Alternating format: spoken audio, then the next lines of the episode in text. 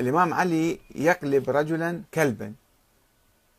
رجال احتكم عنده آه، هو واحد ثاني فالإمام حكم هذا على هذا. طبعا دائما القضاة الشكل. فذاك اللي الحكم يعني صار حكم عليه فتوجه فحكم عليه فقال الخارجي والله ما حكمت بالسوية.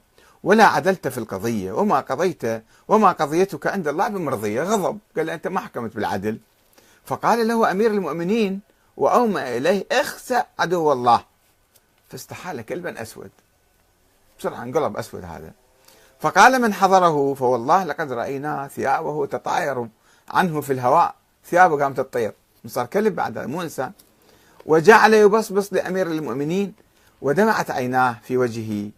ورأينا أمير المؤمنين وقد رق فلحظ السماء وحرك شفيته بكلام فوالله لقد رأيناه وقد عاد إلى حال الإنسانية وتراجعت ثيابه من الهواء رجعت مرة ثانية.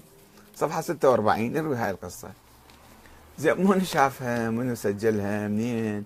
أي راوي؟ هاي روايات الغلاة والخرافيين الذين كانوا يأسطرون حياة الإمام علي ويجعلوا منها أسطورة. اضحوكة تصير الأسطورة تصير اضحوكة يعني أي واحد يسمع الكلام هذا يضحك علينا. وبعد وبعد عنده آه، حول النهر نهر الفرات في يوم من الأيام فاض يروي عن أصبغ بن نباتة. وهذا مخرف شوية كان. يقول جاء رجل إلى أمير المؤمنين فقال قد زاد الفرات والساعة نغرق. راح نغرق يعني.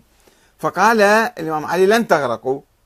ثم دعا ببغلة رسول الله فركبها وأخذ قضيبا عودة يعني ثم سار حتى انتهى إلى شاطئ الفرات فنزل فضرب الفرات ضربة فينقص خمسة أذرع. المرة ما ينزل كل النهر نزل. ضربة واحدة بالعصاية النهر الفرات كان فايض بده يغرق الكوفة نزل صار بس خمس أذرع نزل.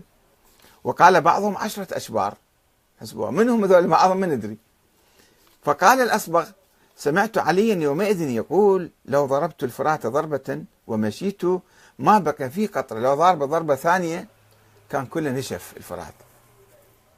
يعني شوف شلون أساطير. يعني الآن طبعا ما حد يقبل الكلام هذا بس الشريف